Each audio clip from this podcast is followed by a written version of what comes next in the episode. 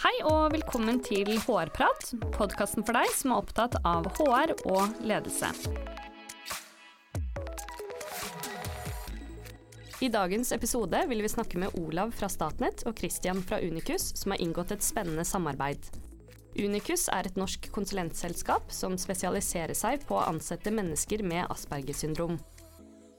Hvordan skaper man et miljø hvor det er trygt å være annerledes, og hvordan har Statnett lagt til rette for dette? Det får vi høre mer om i dagens episode.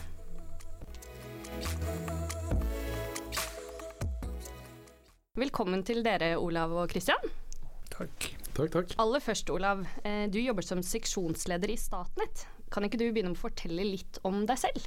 Ja, eh, Olav Ressa heter jeg. Jeg jobber som seksjonsleder innen digital utvikling i eh, Statnett.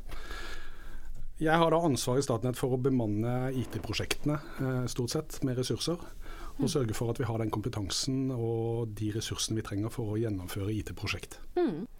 Og før vi går videre, så er jeg litt nysgjerrig på å høre litt om hvordan dere jobber med mangfold i Statnett. Kan du fortelle litt om det? Ja, det er, det er veldig interessant at det kommer nå. Vi har jo akkurat fått en ny konsernsjef, eh, Hilde Tonne. Og hun er veldig opptatt av mangfold, så hun har satt i gang en ganske, ganske grei omorganisering. Eh, med den tanken at hun vil ha mer mangfold inn også på ledersiden i Statnett. Så, så eh, nå har vi eh, ryddet opp i nivå to og sitter igjen med 35 kvinner i, i, i lederstillinger. En ganske stor økning tidligere. Det er det ene. Eh, Det andre er at vi, eh, vi har praksisplasser for, eh, hvor vi tar en støtte fra Nav. Og vi jobber også med vi jobber også med mangfold i form av etnisitet, kjønn, alder. Og Jeg har jo ansvar for mye rekruttering, og vi har jo bygget opp en utviklingsavdeling hvor vi har rekruttert nærmere 20 personer. Og status per i dag er at vi har 30% kvinner. 8 kvinner er generelt utviklere i Norge, men vi har 30 Eh, Vi har 40% med annen etnisk opprinnelse enn norsk. Og vi har en eh, helt jevn alderskurve. 50% er juniorutviklere. Så, så det viser også litt hvordan vi tenker nytt. Da. Eh, Og, og det Hilde Tonne sier, at skal vi klare å elektrifisere Norge, så må vi ha de beste ressursene, og vi må tenke mangfold. Og vi må, ha, vi, vi må tenke på mange forskjellige måter. Vi kan ikke holde på med at vi har masse ingeniører som tenker likt. Ikke sant. Hmm. Og nå har du vært litt inne på det, da, men hvordan har dere i Statnett eh, skapt et miljø hvor det er trygt å være annerledes? Det går vel på kulturen som ligger i, i, i verdiene våre. Fellesskap, eh, respekt og langsiktighet.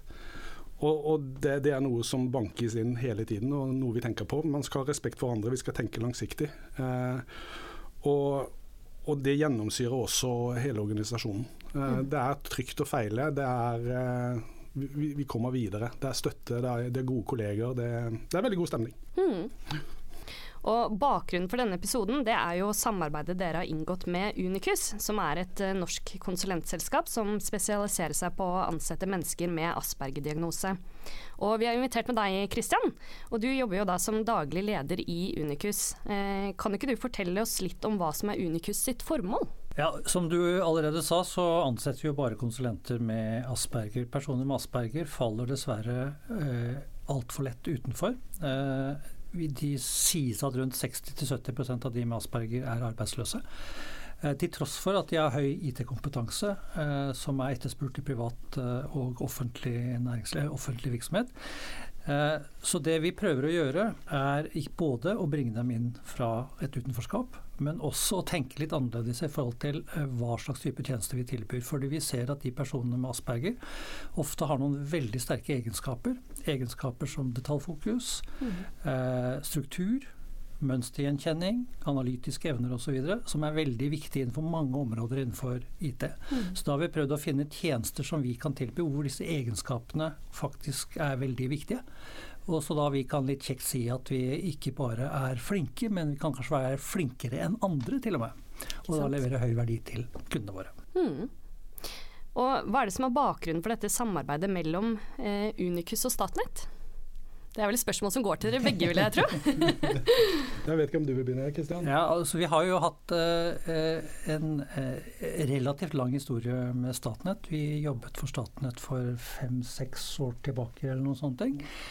Eh, og eh, vi, det, det, var på enkeltprosjekter, og så har vi alltid hatt lyst til å gjøre litt mer sammen med men vi har eh, ikke funnet liksom riktige, riktige prosjektene riktig veien inn. Da. Men så mm. har vi hatt en dialog med Olav for ja, det begynner å bli halvannet år siden eller noe sånt. Mm.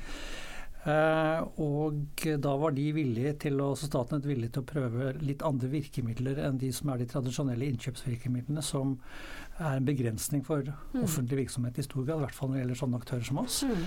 Eh, og det har de gjort, og eh, tatt oss inn på en rammeavtale. Eh, og nå har vi jobbet på et eh, kjempespennende prosjekt for dem det siste året. Jeg vet ikke hvor mye jeg kan si om det, hva som er hemmelig og hva som er offentlig, men eh, Jeg kan ta det etterpå. Du kan ta det etterpå, ja, men det er bra.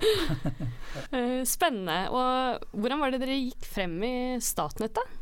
Jeg, jeg, var jo prosjektleder da vi mm. hadde denne ressursen inne på, på et prosjekt før jeg ble seksjonsleder. Da.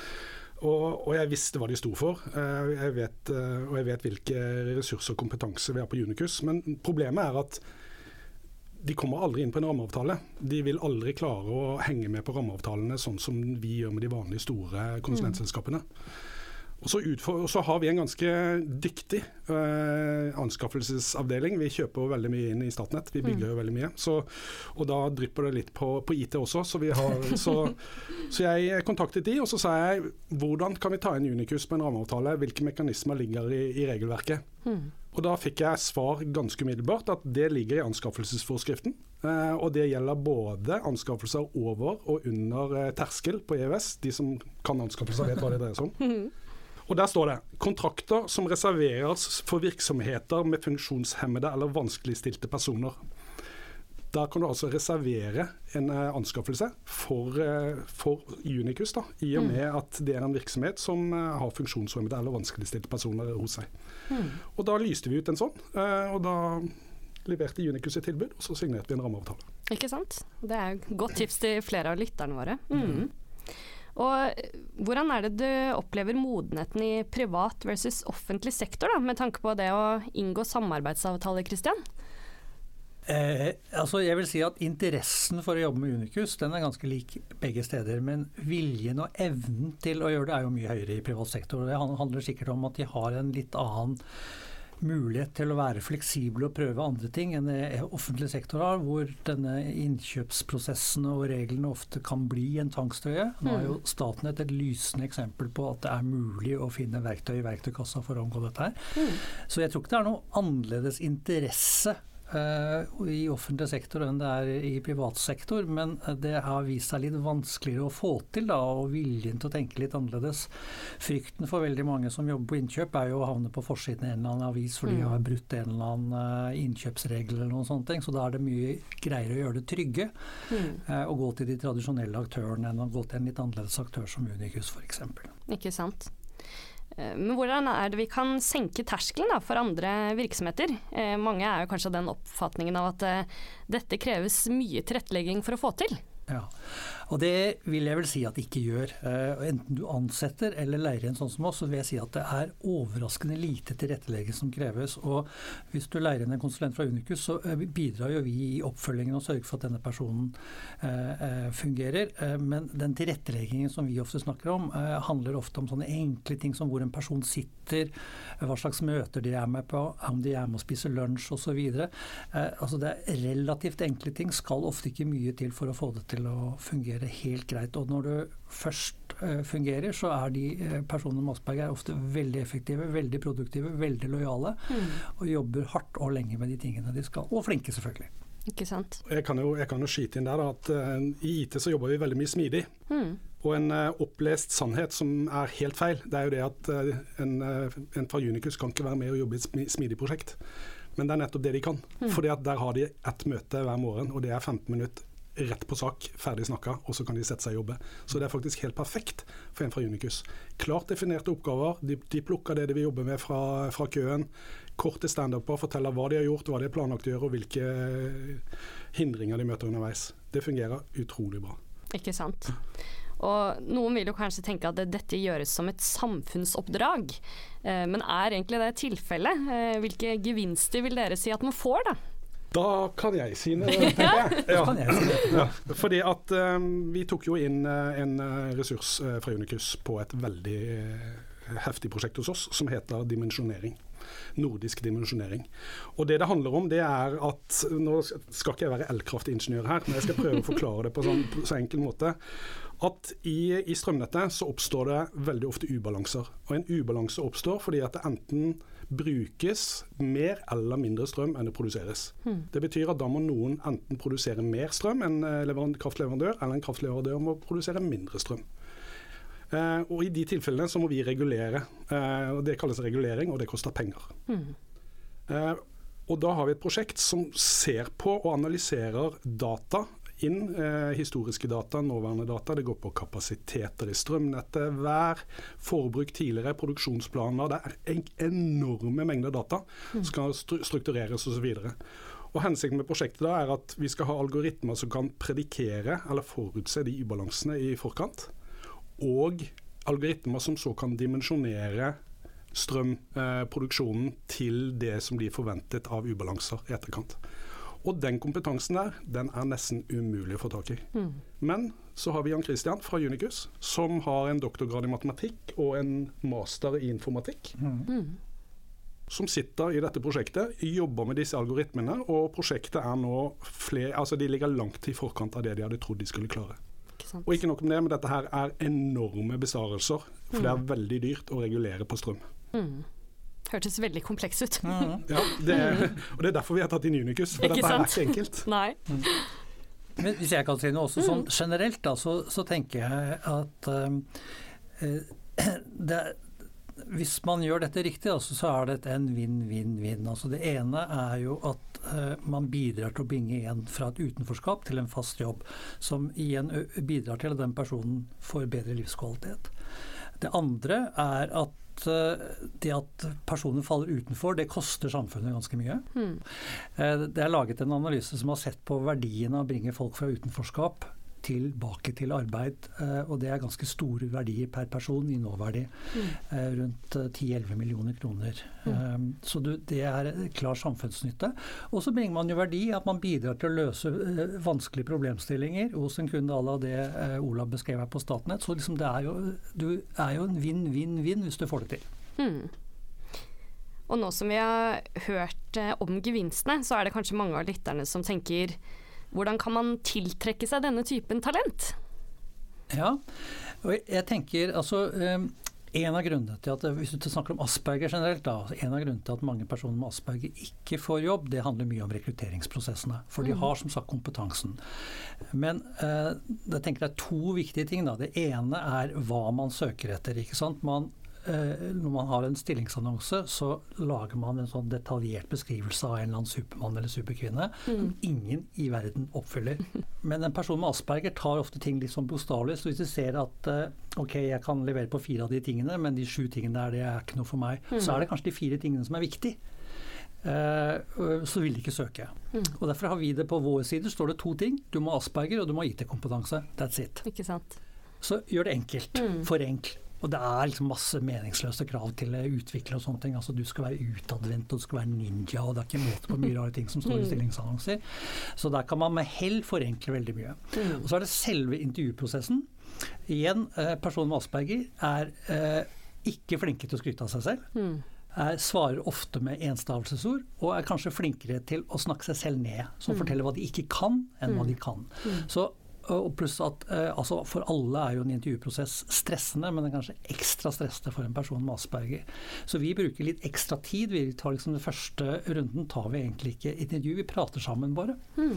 Og så neste gang går vi kanskje litt mer detaljert inn på hva de kan. Og så bruker vi en del tester, mange av de har hull i CV-en. Så vi bruker en del tester for å prøve å finne ut hva slags kompetanse de har innenfor relevante teknologier eller, eller analytiske evner eller noen sånne ting. For å liksom prøve å finne litt mer ut hva, hva de kan. Mm. Så det handler litt da bare om å tenke litt annerledes i den prosessen. Og så som jeg sier, når du først uh, begynner å jobbe med den, så er det ikke så mye som tilrettelegging som skal til. Og jeg tenker også at at, eh, at eh, jobbe med mangfold og inkludering, det er skaper verdi for, eh, for virksomheten, som Olav nevnte innledningsvis.